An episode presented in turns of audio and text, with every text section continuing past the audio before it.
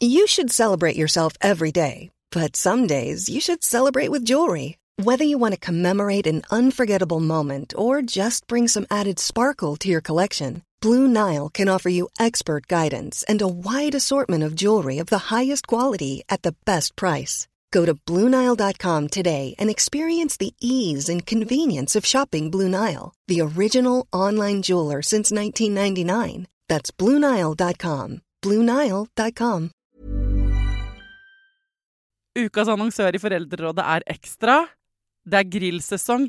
Endelig. Alle dere som har fulgt meg gjennom en lang vinter, vet at jeg har nesten strøket med av kjedsomhet. Men nå kan vi spise ute, vi kan leve ute, vi kan henge ute, og vi kan grille. Ekstra har sitt største grillutvalg noensinne. Og hør godt etter nå. Her er en del av grillutvalget deres. Habanero-pølser, salsiccia-pølser, black aged pepper-pølser, cheesy bacon-pølser, beefy burger, cheesy burger, skinny burger, big beefy gourmet-burger, fiskeburger med hvitløk, fiskeburger med bacon, rødbet og søtpotetburger, soppburger, barbecue, grillfilet, svinenakke med oregano og tomat, urtemarinert fårefilet, brisket, eller brisket som det egentlig heter, T-bone steak, flank steak, tomahawk, laksefilet med pesto, laksefilet med sitron, scampi med hvitløk og urter, crispy fiskeburger med ost, kyllingfilet med sitron og urter, kylling overlår, gyros, kyllingspyd, smoke barbecue, lårfilet av kylling og entrecôte. Takk for meg. Dette er bare noen av produktene i Ekstra sitt største grillutvalg noensinne, og kommer bl.a. fra Norges mest prisvinnende grillserie, Grill Perfekt.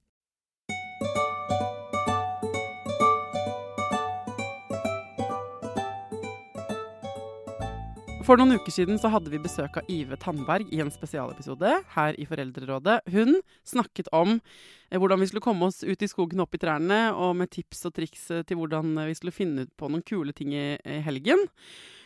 Og så snakket hun mye om det eh, hun kaller risikolek. Men hva er egentlig risikolek? Hvor farlig trenger det å være? Hvorfor er det bra? Hvordan kan vi støtte ungene våre i å utforske mer risikolek? Jeg har invitert Ive tilbake for å forklare oss alle sammen hva det er hun elsker med litt farlig leking. Hjertelig velkommen til Foreldrerådet, folkens.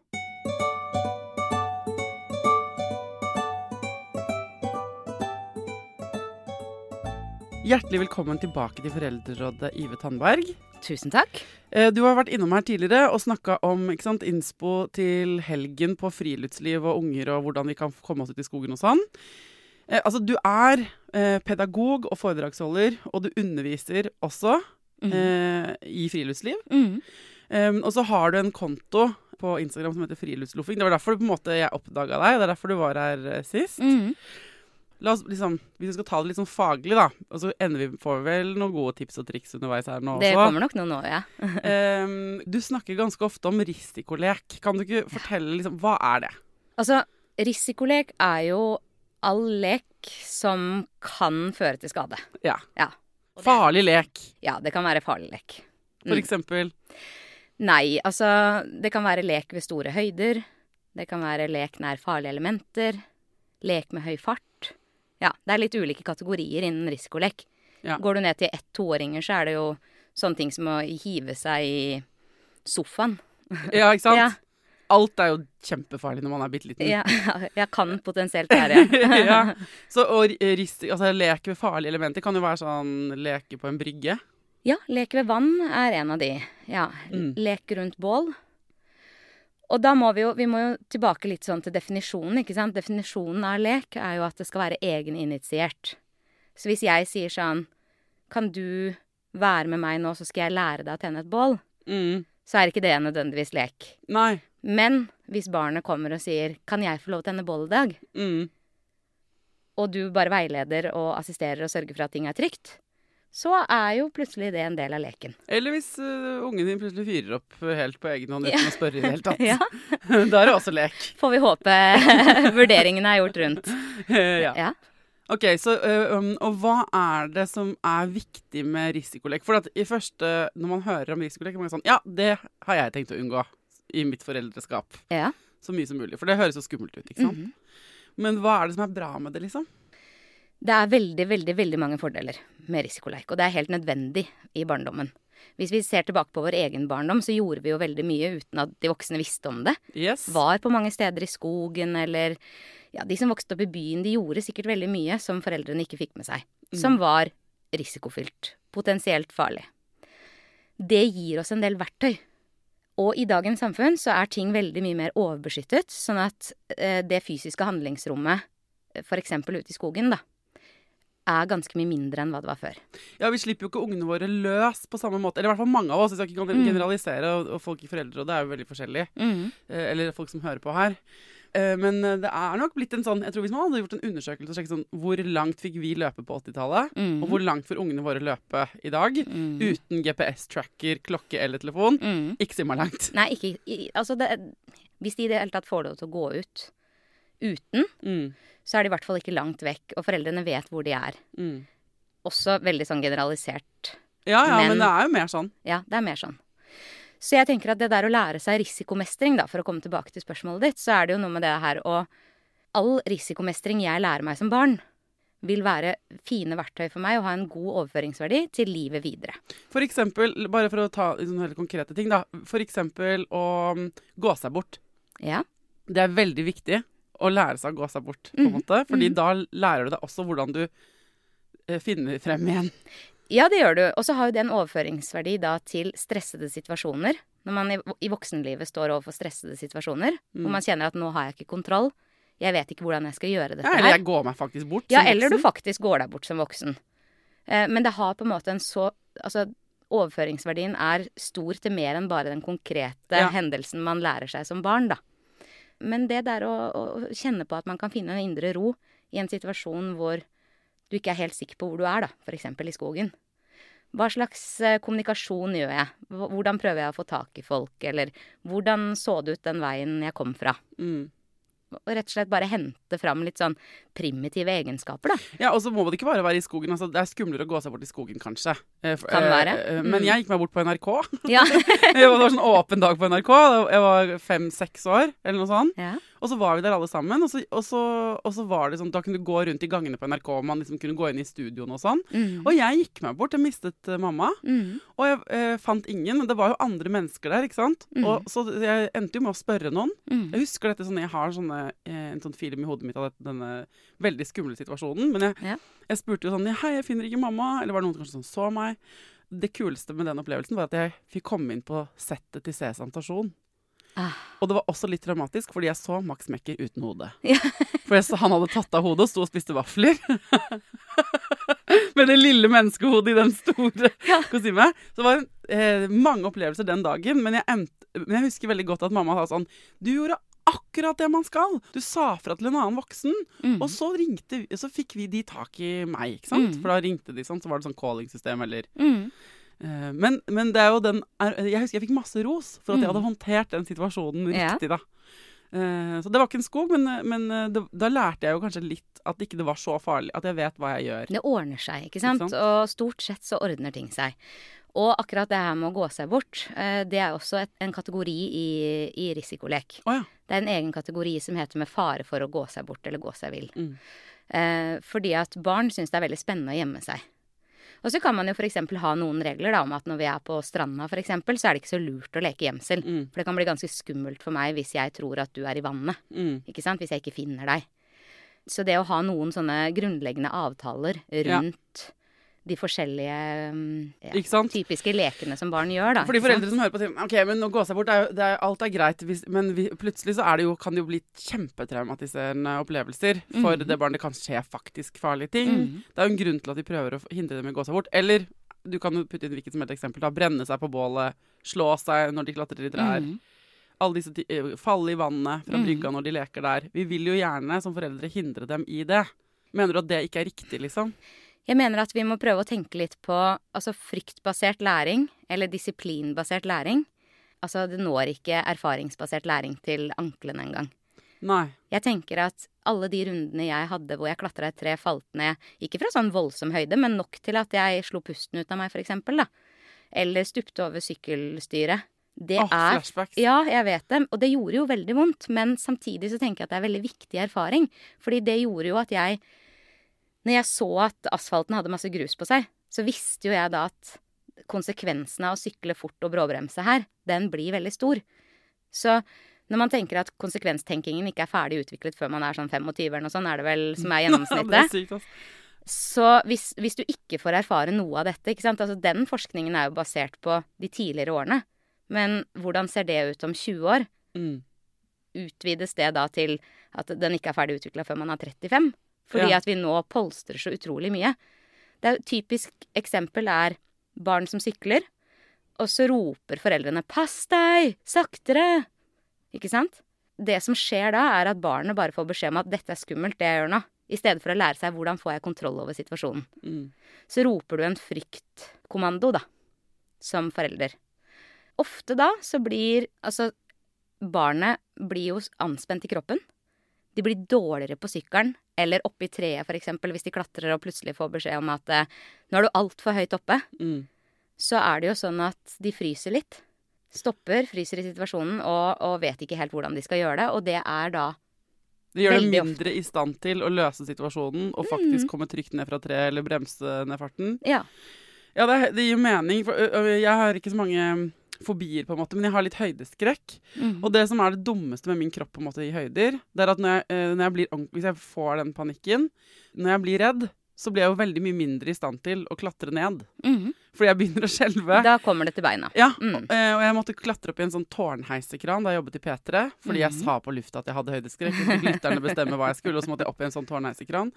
Og den uh, reportasjen uh, fins der ute et sted. Men det, jeg gråt jo Mm. så mye, fordi med en gang frykten tar meg, eller, og det kan man jeg tenke bare på det når, hvis man skremmer barnet sitt litt, da, prøver å skremme det fra å gjøre skumle ting, så gir man det jo eventuelt en frykt som gjør det mindre i stand til å Mm. komme seg ut av det som er farlig. Mm.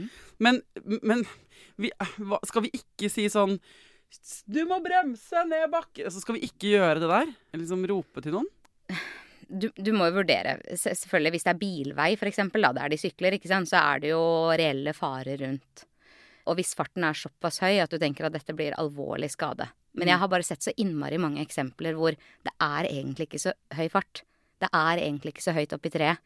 Og så roper man veldig tidlig, da, at dette er farlig. Men vi gjør det jo for å regulere oss selv. Det er akkurat det vi gjør. Og det som er interessant med frykt, er jo at fra naturens side så er vi utrusta med to frykter. Det er frykt for høye lyder og frykt for store høyder. Er det sant? Ja. Så min frykt er basic. Altså høydefrykten din er basic, og den må man på en måte lære seg å ta kontroll på, da. Jeg har jo klatra mye, for eksempel. Tauklatring. Og eh, da er det jo sånn at jeg kan jo kjenne på det i beina. Men da må jo jeg på en måte bare gjøre Altså jeg må bestemme meg for at jeg må stole på utstyret. Mm. Men det er en Det er naturstridig, Ja. det vi gjør da, ikke sant? Så vi, vi utfordrer jo en frykt. Og det er jo noe vi gjør for å søke risiko. Alle trenger å søke risiko innimellom. Det er en risiko for meg å takke ja til å komme på podkast òg.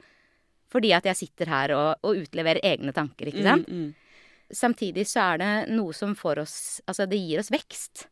Hver gang vi risikomestrer. Ja, hvis man bare er innenfor komfortsonen hele tiden, så beveger man seg jo ingenting. Så man Nei. vil jo at ungen sin og seg Mhm. sjøl liksom skal stort sett leve innenfor comfort zone på en måte, eller sånn holde seg trygg, da. Mm. Men samtidig ikke bli hemmet Nei? av den frykten. For hvis den blir for stor, og barnet ditt ikke tør å utforske noen ting, Mm. ikke tør å snakke til noen den ikke kjenner, ikke Mm. tør å prøve noe den ikke har prøvd før, så blir den verden veldig liten. Den blir veldig liten. Og det gjelder jo også voksne også. Hvis Ja. du, hvis du, ikke sant, eh, jo mer angst Altså Hvis man har en alvorlig angstdiagnose, for eksempel, da, så er det jo veldig vanlig at man på en måte murer seg. Og nå snakker jeg om liksom, hvis man er syk, da. Mm. Um, så murer man seg jo veldig inne i et Mm. hjørne og blir liksom uh, sånn innramma av den, eh, den frykten. Og det er veldig lite man kan gjøre. Ja. Ikke sant? Og så har du det i overført betydning til oss som kanskje ikke er syke av det. Som har på sånn Ja, ja, men kanskje jeg unngår å bli med på den ene turen selv om jeg egentlig har lyst, da, fordi vi må gå på den høyt. Ja. Sånn, Sånn at hvis, ja. Det er noe med å kartlegge hva er det jeg er redd for som voksen, og hva er det jeg overfører til ungene mine. ja.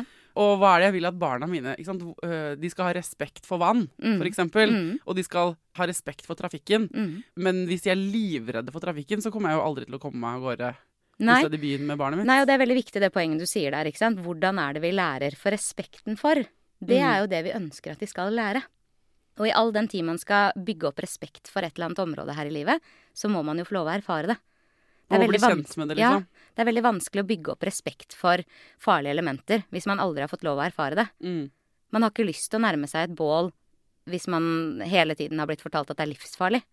Nei, og det, liksom, det kan være dyr, da. Altså, jeg husker eh, da min unge var liten, så sa mammaen min til meg det var, eh, du vet sånn, Noen ganger sier foreldre sm- kjempesmarte ting, og så sier de ganske mye som er irriterende når man får baby.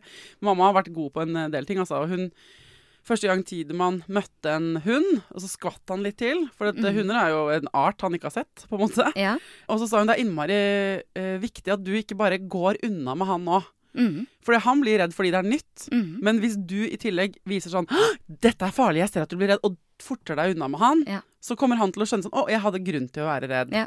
Da forsterker jeg bare den frykten hos han. Så, det det. så, øh, og dette har jeg jo laget podkast om for så vidt øh, senere. Men, mm. men det, det der hun, det mamma viste meg, var sånn Nei, men si sånn 'Å ja, ja, den bjeffet litt høyt, men den er ikke farlig'. Blir sittende og være mm. helt rolig sammen med den hunden. Så Mhm. lærer han at det ikke er noe farlig, Mm. etter noen få eksponeringer.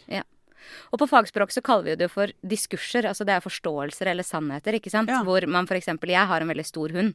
Ja. Den veier 90 kilo. Og jeg Altså, jeg har møtt på flere med den. Og veldig mange blir redde bare fordi at de, de har en forståelse om at store hunder er farlig. Mm. Han er jo mye roligere enn den hunden jeg har på 10 kilo. Mm. Som er en Jack Russell som bare er overalt hele tiden. Og så var det en far med en sønn hvor, hvor han sier 'Å ja, var han litt skummel?' Nettopp.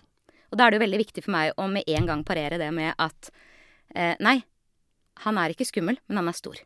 Mm. Og sånn, altså Vi vil jo møte på det rundt omkring, men da må vi nødt til å være altså voksne som snakker et nyansert språk. ikke sant? Språk er makt. Ja. Hvis vi hele tiden går rundt og roper 'fare, fare', så blir jo alt farlig rundt oss. Det er litt vanskelig det der, da. fordi at eh, hvis du ser at du, barnet ditt blir redd, så skal vi jo hjelpe dem å sette ord på hva de føler. Men det Mm. du mener at man skal trenger det at du er redd, betyr ikke at det er farlig. Nei. At det er en skille mellom ikke sant? Hvis ungen din blir redd for noe. Men det, vi, vi tenker jo også nå, herregud, vi lærer jo av alle ekspertene vi sier sånn Ja, ble du redd nå? Syns du dette var skummelt? Mm. Det er noe annet enn å si Ja, ble du redd nå? Hunden var skummel. Ja, ja, For ja. da gir du jo hunden Og det blir veldig komplisert, men poenget er kanskje at man kan anerkjenne barns følelser uten å gi dem rett i at verden er farlig. ja, ja, ja. Og så tror jeg vi skal være bevisste på hva som er tillært frykt, ikke sant. Mm. Det er masse som kommer rundt oss som vi tror at vi syns er veldig skummelt, fordi at noen har fortalt oss det. Ja. There's never been a faster or easier way to start your weight loss journey than with PlushCare. PlushCare accepts most insurance plans and gives you online access to board-certified physicians who can prescribe FDA-approved weight loss medications like Wigovi and Zepbound for those who qualify. Take charge of your health and speak with a board-certified physician about a weight loss plan that's right for you. Get started today at plushcare.com slash weight loss. That's plushcare.com slash weight loss. plushcare.com slash weight loss. Hold up. What was that? Boring. No flavor. That was as bad as those leftovers you ate all week. Kiki Palmer here, and it's time to say hello to something fresh and guilt-free. Hello Fresh. Jazz up dinner with pecan-crusted chicken or garlic butter shrimp scampi. Now that's music to my mouth. Hello Fresh. Let's get this dinner party started. Discover all the delicious possibilities at hellofresh.com. Ukas annonsør i Foreldrerådet er Nextory. Det er en lydbok- og e-bok-app. Altså, du kan både høre på bøker og lese dem på telefonen din eller nettbrettet ditt. Og akkurat nå så får du 45 dager gratis, både til deg som kanskje har prøvd Nextory før, men også til deg som er helt ny. Jeg digger at også de som har prøvd det før, får lov til å prøve igjen. For å få 45 dager gratis, gå inn på nextory.no foreldrer.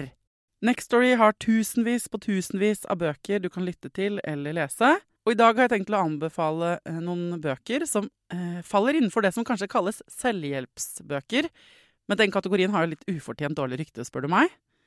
Den første boka jeg vil anbefale, er boka som heter 'Psykolog med sovepose'.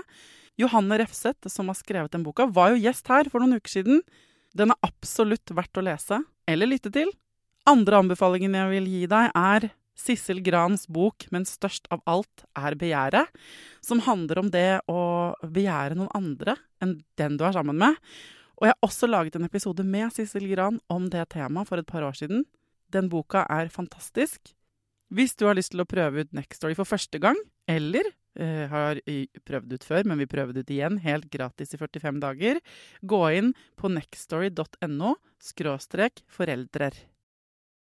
Men eh, hvordan skal vi takle For dette, sant? dette her med risikolek, du sier at det er liksom den beste formen for læring. Det å måte erfare ting, og lære av Mm. erfaringer, og ikke av andre Ikke å bli fortalt ting, f.eks. For eksempel. Mhm. Og så kommer vi ganske fort inn i sånn hva som blir vanskelig. Fordi vi er keen på at ungene våre skal overleve. Mm. Og vi er ikke keen på at de skal drukne, f.eks.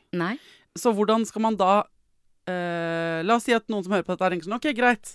Vi skal til eh, sjøen eh, denne helgen. Mm. Eller til neste ferie, eller noe sånt. Mm. Sitte på den brygga eller ved den stranden. Jeg har hørt på Ive. Hun sier at jeg skal la barnet mitt liksom pludre i vannkanten. Mm. Utforske, ikke sant. Leke ved et farlig element. Men Mm. hva hvis du kjenner at ditt eget hjerte er høyt oppi halsen, og at du har det skikkelig dritt som At du som mor, da, eller far, er keen på å stå og holde det barnet i hånda hele tiden. Ja, det fins jo en del hjelpemidler eh, som er viktige sikkerhetsmidler også. Jeg tenker f.eks. sånn som at hvis du er redd, veldig redd for vann selv, da, så kan det være lurt å ta på barnet ditt redningsvest hvis dere skal leke ved vann. Det er uansett ganske lurt. Det er veldig lurt. Ja. Eh, men det kommer jo helt an på. Er det i vannkanten på stranda, og det er veldig oversiktlig, så er det jo ikke noe grunn til egentlig. Ikke sant? Men man trenger ikke utfordre seg selv nevneverdig på det hvis det er en frykt man opplever som veldig reell. Og man skal ta Altså, sikkerhetsbehovene kommer alltid først. Jeg har aldri satt liv og helse i fare. Det er ikke sånn at jeg går inn for at dette skal være farlig. Men jeg mener at vi må, vi må tørre å oppsøke det på litt andre måter. Altså, prøv i det små først. Det er jo det beste tipset. Og så prøv å puste. Det som er med frykt, og det er ganske interessant, fordi fryktsenteret vårt, amygdala, i hjernen, bruker fem sekunder fra vi ser noe som kan være en potensiell fare, til vi reagerer. Og vi vet jo alle hvor raskt vi rekker å tenke når vi blir redde. Altså Da kan vi jo se for oss alt fra hva som skjer, til at sykebilen kommer, til at man ja, ikke sant? Ja, man ser hele greia. Så man, man rekker å tenke ganske mye på fem sekunder. Så hvis man øver litt grann på forhånd, når man ikke er f.eks. da i nærheten av vann Hva gjør jeg hvis barnet mitt faller? Ikke sant? Hvordan skal jeg reagere? Skal du være den voksne som roper og skriker, eller skal du være den trygge voksne som løfter barnet opp og på en måte viser at 'jeg er her med deg'? Eh, Så det er noe med å ha gått gjennom noen scenarioer, sånn at når du ser det, så har du de fem sekundene på å ta et høyre-venstre-valg på hvordan du Ikke sant? Og så er det jo noen instinkter som bare overstyrer oss totalt Mm. innimellom. Men det er veldig lurt å ha gjort seg opp noen tanker. For vi reagerer veldig mye på instinkt, og det er ikke alltid den beste og sunneste reaksjonen da, rundt barn. Nei, altså akkurat når det gjelder med vann og barn, da, så har jo vi en hytte ved sjøen, og der er det mye bryggelek. Og jeg har alltid fått lov til å fritt løpe rundt, jeg og søstrene mine, egentlig, da vi var barn, og få holde på med masse. Vi måtte ha på oss vest hvis vi liksom var ute av syne, eh, Mm. men ellers så, så var det ganske fritt da jeg vokste opp. Eh, og så får jeg barn selv. Tror jeg er en sånn chill mamma, spesielt rundt vann. Mm. Eh, og så får jeg helt noe For det, det derre Jeg spiller for mitt indre øye at Jeg vet ikke hvor mange ganger jeg har vært på Anita, og jeg vil bare understreke at jeg er ganske lite nevrotisk, faktisk. Hvor mange ganger for mitt indre eh, filmskjermen i hodet liksom har spilt at jeg ser Tidemanns livløse kropp flytte Mm. fordi jeg ikke har fulgt med på han. Mm. Og bare det, Jeg har det på nettsiden nå. Sånn, det synet jeg har jeg sett for meg så mange ganger. Mm. Og det hisser meg opp på en måte til å bli det, Jeg aser meg opp da til å bli eh, redd Mm. eh, eller stressa. Mm. Og så kan man si jeg blir stressa nok til at jeg passer på han. Ja, Ikke sant? ja. Så det er jo, den, har, det noe, den har noe godt for seg, den reaksjonen. For det, det gjør at jeg følger ekstra med. Det er det som er poenget med den øh, faren. Og så har jeg måttet liksom eh, Noen ganger så kan jeg kjenne sånn Å, nå bikker det, nå går jeg rundt og bekymrer meg helt Han har på vest. Vi er trygge. Det, det plager meg, det synet for mitt indre øye. Mm. Men jeg måtte erfare et par ganger selv. Og, her, handl- eh, og at han faktisk falt i vannet. Mm. Og så hørte jeg noen si, noen eh, venner av familien, eh, som egentlig var ganske stressa, syns jeg, i sin oppdragelse av barn, Ja. de sa sånn Men du har over et minutt, vet du. Syv minutter skal de Ja. ligge under før de får hjerneskade. så når vi satt på Så jeg øvde meg. Litt sånn her, OK, ha på vest. Det jeg var redd for, var jo på en måte Så det er flere lag her. Jeg er selvfølgelig innerst inne redd for at han skal drukne. Mhm. Men så er jeg også redd for at jeg skal sitte og kjenne på ubehaget av at han er i fare. Mhm. Jeg vil beskytte han mot en ubehagelig opplevelse. Ikke bare mot drukning, men også bli forskrekket og redd for fordi han faller i Ja. vannet. -hmm. Så det er mange lag her. Så, sant? Fornuften seirer jo ikke på Eller sånn Jeg, Jeg eh, unnskylder min egen frykt og min egen stress da eh, med at jeg beskytter han. Og det tror jeg her Jeg bruker meg selv som eksempel, for jeg tror mange holder på sånn. Ja. Men det som skjedde, var at uh, han jo selvfølgelig satt og fisket krabber og lente seg altfor langt ut, for han hadde ikke erfaring Altså Han hadde ikke den respekten, da, for å bruke ordene dine for vann. Mm. Eller for balanse ved Mm. vannkanten. Mm. Så vi satt jo selvfølgelig på brygga, og det var, han var ikke mange årene. Og så plumpa han uti. Men med vest. Mm. Både med og uten egentlig han falt uti. Og det er ikke noe dypt der. Nei. Men det der å da erfare at jeg også, ikke bare han Han erfarer at han ikke kan lene seg langt nok ut. Det var Mhm. ikke mange gangene han måtte plumpe uti før han skjønte at han måtte holde balansen. Det er nummer én. Jeg erfarte at han dør ikke av å falle uti, og at jeg klarte å roe meg Altså, dette hjalp oss begge to. Ja. Jeg fikk erfaring på at det ikke var så farlig at han var i nærheten av vannet. Mm. Så jeg hadde færre av de bildene for mitt indre øye. Mm. Og han erfarte hvordan han skulle oppføre seg på brygga. Og det du sier der er jo veldig viktig, ikke sant. Altså jeg tenker at du forteller jo noe om din oppvekst og hvordan du har vokst opp rundt vannet, og syns at det var viktig eh, for dine barn. Du har jo allerede fått lov til å håndtere. Ikke sant? Du har fått gjort dine risikovurderinger. Du har fått gjort og opplevd din risikomestring. Og når du blir forelder, så må du på en måte gjennomgå det der litt på nytt. Og da må man prøve å se tilbake på en, egen barndom og tenke over hva var det jeg gjorde. Siden Ja. man var barn av 70- 80-tallet, ikke sant, hvor man hadde veldig frie tøyler rundt farlige elementer, faktisk. Fordi ofte så visste kanskje ikke foreldrene helt hvor man var heller. Nei, De røyka Ja. og det var ikke barnesete, og det var helt Ville Vesten. Ja. Og folk strøk jo med. Altså, flere døde jo også på den tida. Det må vi jo være ærlige på. Ja, det gjorde de, og de, altså, den statistikken har jo gått drastisk ned. Og der var det jo en, eh, en professor på eh, NIH, Norges eh, toppidrettsgymnas, som, som sa det her at eh, Eller idrettshøyskole, mener jeg. Som sa det at eh, vi må se litt på grunnen til hvorfor den statistikken har gått ned. Selvfølgelig er det ingen som vil at barna skal skade seg drastisk eller eh, verst tenkelig scenario. Samtidig så er det noe med hvordan er det vi eh, Og det er jo det jeg er så opptatt av. Altså, vi, vi er nødt til å lære de respekten for, i stedet for å, å gi den fryktbaserte læringen, ikke sant? Ja, men sånn, så Forsiden av medaljen er at færre barn dør. Ja. Hva er baksiden av medaljen? Er på en måte spørsmålet her. ikke sant? Er det sånn at fordi vi Er det noen, er det noen dark sides på den, altså på, den, på den andre siden av den medaljen? Er det sånn at eh, Beskytter vi dem i hjel? På mange måter gjør vi det. Per Brodal, som jeg vet var eh, gjest her hos deg også. Fantastisk eh, episode om lek. Mm, Veldig, veldig, veldig viktig. Jeg anbefaler alle å høre den episoden. Eh, han er jo eh, hjerneforsker og har jo vært ute nå og skrevet bok sammen med barnepsykiater som tar for seg nettopp dette temaet her. Hva skjer når vi fratar barna det fysiske handlingsrommet? Og de peker jo på faktorer hos ungdommen som angst, eh, lav selvfølelse og masse, masse mer. Den boka bør egentlig leses av alle. Den er kjempeinteressant, mm. selv om den er en fagbok. Så han mener jo faktisk det, at eh, det har en helt sånn klar sammenheng, da. At eh, den skjermingen vi har gjort av barna, da. Den innpakningen, bomull og bobleplast og alt det kalles for curling, ja, det er jo enormt mange navn.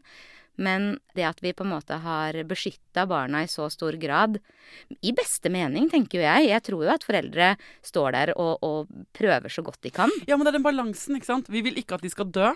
Nei. Altså, vi beskytter dem masse for at de skal ikke oppleve smerte, motstand, i verste fall skade og død. Mm. Men også emosjonell sant, avvisning. Alt som er vanskelig. Vi vil beskytte dem mot alt det. Og så har vi Mm. fått eh, masse ressurser til å beskytte dem mot det. Og så Mm. er det sånn at vi kan, hvis vi går for langt ut på den sida og beskytter dem for mye, Mhm. så er det sånn at Newsflash, liksom. Livet er fullt av dritt. Jo, ja. Og da er du ikke rustet for motgang i det hele tatt når den kommer. For det er ikke sånn at vi kan beskytte dem mot det for life. Ikke sant? Sånn at uh, det der, Den balansen der som jeg ofte snakker med fagfolk om i denne podkasten, er jo den derre både beskytte dem, Mhm. men også på en måte vaksinere dem, sånn at de får nok motstand og dermed mestringserfaring Mhm. til å kunne takle livet når det faktisk uh, Ja. blir skummelt, da. Og da må man jo begynne å tenke over ok, hvilke skader tåler vi. Ikke sant? Ja. Vi tåler å spikke oss i fingeren. Vi Greit. tåler å falle på grusen og få skrubbsår. Vi tåler også å brekke et bein. Jeg lurer på, Det var pappaen til Kjetil André Aamodt, Finn Aamodt, er det ikke det han heter, som sier at eh, en lykkelig barndom er en barndom med brudd. OK! Han gikk jo litt hardt ut der. Men eh, jeg har også barn som har eh, brukket ting. Eh, Ja. Ikke sant? Det, min eldste sønn skulle være Spiderman. Var veldig fascinert av Spiderman ikke sant? og skulle klatre som han. Eh, og det endte i noen brudd i foten. Det passer dårlig å ha en tre og et halvt åring på krykker, men det er en del av livet, og det er ikke veldig farlig. Mm. Det er litt, litt mer komplisert hverdag i de ukene hvor den gipsen skal sitte på, men det er en erfaring. Mm. Han er ikke Spiderman. Ja, og så trenger man ikke helt å gå Dere må Det kan være lykkelig uten å brekke noe. Det kan ja, selvfølgelig. Men poenget er liksom du, Kanskje ikke en lykkelig barndom uten uh, skrubbsår på knærne, da. Og vi pleier å si det eh, når jeg ser at uh, ungene hjemme og Tidemann får sånn skrubbsår og myggestikk og ikke sant. Sier sånn Nå begynner du å se at du har levd en sommer. Mm. Sånn sunn, sunne barneknær Ja. er de med skrammer og plaster, hist og pist og Ja, ja, ja, eh. Ikke sant. Det, det skal være litt sånn. Det skal være sånn. Og og, altså, leggene og knærne til barn på vår, sommer, høst, altså, de, de ser ut sånn som du beskriver. Ja. Det, er, det er fullt av plaster. Skitne Ja. og fulle av små sår. Ja, ja. det er sånn det skal være. For en ting er risikolek og eh, det å være eh, aktiv og tørre ting, da. Og tørre Mm. å være i nærheten av ting som kanskje vi foreldre syns kan være skummelt og sånn. Mm. Men hvorfor mener du at naturen er det beste stedet å være, drive med de tinga her? Naturen er jo eh, kanskje noe av det mest tilrettelagte stedet for barn å oppleve mestring. Fordi, altså, si at du har med deg en ettåring og en seksåring ut i skogen, så kan begge to oppleve mestring i klatring. Det er det ikke sikkert at begge to hadde opplevd hvis du hadde vært på en tilrettelagt lekeplass, ikke sant? Som Mm. er mye mer statisk. Den er laget for at eh, sånn skal du klatre opp der, da, det klarer du kanskje ikke før du er tre år, ikke sant? Mens hvis du er ute i skogen, så kan alle oppleve en eller annen form for mestring. Alle finner en stubbe i sin høyde, på en måte. Ja, helt Ja. riktig. Det er tett på de ærlige og ekte elementene. Og vi har jo fjerna oss veldig langt fra naturen. Vi er jo en del av naturen. Evolusjonen er for kort til at vi har fjerna oss så mye som det vi har. Mm. Vi er ikke bygd for å sitte stille og se i skjerm. Vi er bygd for å bevege oss, og vi er bygd for å altså, være i ett med naturen. Og da må vi prøve å, å på en måte hente det litt tilbake i læringsperspektivet, da, ikke sant. Det her med å få til den der naturlige læringen. Og barn er mye mer sånn opp igjen når de er ute i naturen. Ja. Opplever jeg, i hvert fall. Ja, også eh, et triks da, hvis man er ute med et barn som faller og slår seg. Mhm. Og det er veldig mye lettere i naturen. Eh, hvis man, hvis de, barnet ditt er i den alderen hvor digresjoner fungerer, Mm. det, kan de, det kan fortsatt fungere for så vidt, for Mhm. min unge selv om han er stor. Det er eh, mye lettere å få han ut av sånn «Ah, Jeg slo meg. Sånn, ja, jeg skjønner det, men se, det er en maur! Mm. Det er, maur. det er jo maur overalt i skogen. Og de, eh, jo, eh, det ble vår go to sånn Mm. eh, digresjon hvis vi trengte noe annet å se på. Mm. Og ekorn og fugler, og det er jo så mye man kan på en måte eh, Og de, de skaper seg de digresjonene selv òg, når de tryner og slår Mm. seg i større grad. Mm. Ok, Så for å oppsummere litt, Ive, eh, så er det sånn at det vi egentlig gjør i denne episoden, folkens, det er å på en måte komplisere og teoretisere det vi fra naturens side egentlig kunne fra før. Ja. Vi har fjerna oss så langt Mm. fra den derre da vi lekte ute i naturen hele dagen-aktig romantiske, da. Litt Mm. sånn eh, Den litt sånn eh, naturlige, gammeldagse Ronja Røverdatter-aktige måten å være på. At vi nå må teoretisere oss tilbake. Ja. Og, det, og og, sånn For å oppsummere det du har sagt i dag, så er det sånn risikolek er den leken med elementer som kan være farlig. Mm. Som ikke må være det, men som kan være det. Mm. Sant? Som, eh, som er på en måte høyder, eh, trafikk, Mm. eh, vann, ild, alt det der. Og grunnen til at det er kjempeviktig, er fordi hvis ikke du, ungen din lærer seg å være i nærheten av de tingene, så vil de ikke eh, vite hva de skal gjøre hvis de faktisk havner i en vanskelig situasjon. De vil heller ikke lære seg på en måte utfordre egen comfort zone. De kan ta med seg masse angst og uro. De egentlig havner i en større risiko for å skade seg, kanskje på sikt, da. Mm. Og så er det komplisert dette her fordi vi foreldre, i hvert fall av vår generasjon, kanskje er at Vi blir ikke bare er vi mer redde, men vi blir også mer shama for å ikke beskytte ungene våre i hjel. Prøv å legge ut en video av at du ikke har ungen din i riktig barnesete på en mammagruppe på Ja, ja, Facebook. liksom. En burn in hell, hvis Ja. du skjønner. Så vi shamer også hverandre litt Mm. fort på alt som kan være skummelt, ikke sant? Mm. Men det er derfor det er så viktig for ungenes utvikling. Da kan du, sant, Hvis du er i en barselgruppe eller mammagruppe eller i en, eh, i en samtale rundt bordet hvor noen er sånn fryktbasert på oppdragelsen, så kan du huske på at det å gi ungene dine erfaringer ikke sant? At de Mm. lærer selv eh, gjennom av og til å tryne og falle eller gå seg bort eller plumpe ut i vannet. At da lærer de hvor grensen går, og hvordan de selv kan takle motgang. Then you're doing it right. Da kan Mm. du trøste deg sjøl med det. Men hvis folk nå sant, treng, de vil gjøre dette her, de legger ved denne podkasten her etterpå, og så vil de Mm. tenke sånn OK, yes, inspirert av Ive, nå skal vi hjem og utfordre farene der ute. ja. Eh, med hjertet i halsen, kanskje. Mm. det, hva, har du et råd til dem, som på tampen? Altså det første og kanskje aller viktigste rådet som jeg har brukt i veldig mye foreldreveiledning i, i barnehagesammenheng, da, det er jo rett og slett det der at du må starte der hvor du er, og så må du ta ett skritt bak. Tilbake, ja. Ja, ta ett skritt tilbake. Og så kjenner du hvordan det er. Og så får du også som forelder god erfaring med at ja, men dette gikk jo bra. Ja, sånn at Konkret betyr det hvis Gi oss et eksempel. Nei, si hvis du for eksempel er um, Barnet ditt klatrer i et tre. Prøv å tenke at Altså, man har jo funnet ut Forskere eh, ved Høgskolen i Østfold har funnet ut at gjennomsnittsalderen for begynnende forståelse av risikovurdering er 17 måneder. Oi. I utgangspunktet så er det sånn at barn klarer å vurdere en del ting selv. Og så har du selvfølgelig noen som Overhodet ikke klarer det. overhodet ikke klarer det, ja. Men prøv å tenke at dette skal de lære seg.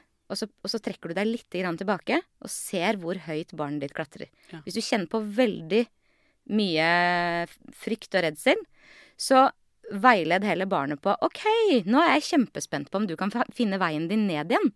Hvor er veien din? Mm. Men I stedet kan- for å si at man må komme ned, da. Og også hvis du klarer da, å sitte på hendene dine litt. Bare hold deg litt tilbake, liksom. Mm. Og du registrerer at du blir dritredd, så er jo det ganske interessant info. Mm. Det, da tenker jeg sånn, Ikke døm deg selv for det, men vær sånn Oi, jeg blir så nervøs, ja. Mm. Det er jo ikke rart jeg springer etter han hele tiden. Nei, ikke sant? Det er ikke rart, ikke sant? Da kan du undre deg litt over det, og så har du kanskje fått liksom tak i noe du kan jobbe litt med. Ja, og det er kjempeviktig. Og det der å tørre å gå inn i den selv selvrefleksjonen som forelder, Mm. og, og ta litt tak i materien på, på frykten din, da. Mm. Altså, For å være ærlig, nå kjenner jo ikke du meg dritgodt, Ive, men eh, jeg har jo alltid eh, vært Uten at jeg visste at dette var lurt og sånn, så har det vært litt min sånn eh, Bortsett fra det at jeg var litt nerver rundt vann, så har jeg alltid vært ganske sånn Jeg har et barn som er veldig risikovillig. Han er, vil prøve ut ting, da, utforske. Han vil Mm. teste til grenser hele tiden. Mm. Og jeg har eh, følt meg dum i oppveksten fordi jeg har vært ganske grei. Eller han ville gå alene på tur i skogen da han var fire år. Han ville, jeg lovet han at det var greit. Så han fikk lov til å gå en bitte liten tur da, med Mm. matpakke og sånt. Og jeg var jo stressa, jeg. Men jeg, jeg har lot han gå alene til skolen. Jeg har latt han få gjøre en del ting. Og jeg må si på vegne av oss foreldre som har fått eh, sluppet ungene våre litt mer ut enn andre, kanskje. da. Så jeg har følt på sånn ganske mye dårlig samvittighet, i hvert fall i starten. mm. På at jeg var liksom gæren, for andre foreldre kunne si sånn Hæ? Får han lov til det? Mm. Og eh, det føles litt irriterende å få høre det nå, men det er også litt deilig å få en slags sånn uh, forsinka Bekreftelse. bekreftelse Mhm. på at det er OK. Mm. At jeg har uh, fulgt min indre ikke sant, eh, navigasjonssystem. Og Ja. jeg er jo ikke så redd. Nei. Så derfor så får jo han lov til å gjøre flere ting òg. Og det har vært veldig viktig for hans oppvekst. Vi får se hvordan det blir etter hvert. Send meg rapport. ja. Nei, um, men uh, bottom line er at du sier at vi egentlig burde uh, slippe ungene våre litt mer løs, Ja. og, og gi dem litt mer mulighet til å utfolde seg og utforske risiko. Ja. Prøve å oppgi kontrollen lite grann, ikke Ja. sant. Der hvor du kjenner at det, her kan jeg puste litt. Tusen takk for at du kom til Foreldrerådet igjen, Ive. Og hvis du som hører på har spørsmål, kan ikke de sende dem inn? Kanskje folk har sånne konkrete spørsmål sånn 'Dette og dette og dette skjedde eh, med min unge da og da.' Eller f.eks. noen som har barn som ikke vil utforske ting. ikke sant? Mhm. Helt konkrete problemstillinger. Så kan jeg invitere deg tilbake en gang. Ja, veldig gjerne. det Dette vært temaet er kjempestort. Ja, det er veldig stort, og det krever uh, mye tid og mye plass, egentlig. Ja. Mhm. Men tusen takk for at du kom. Selv takk.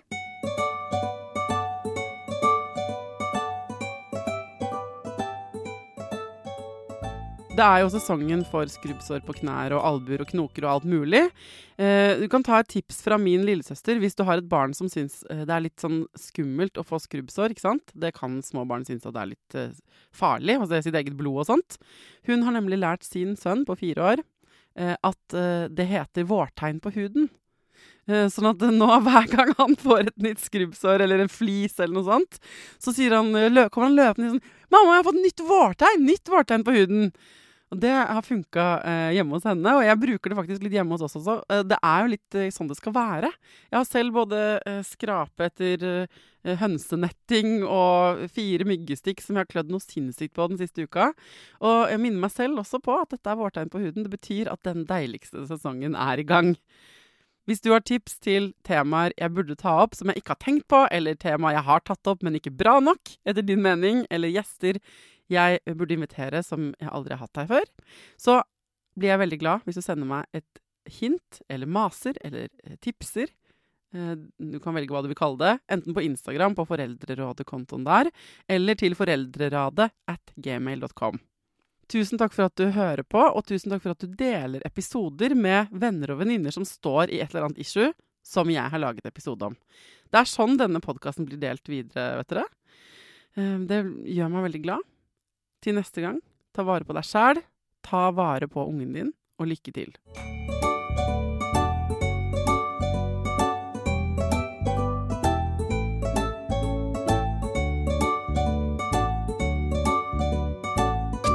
Produsert av Klinge.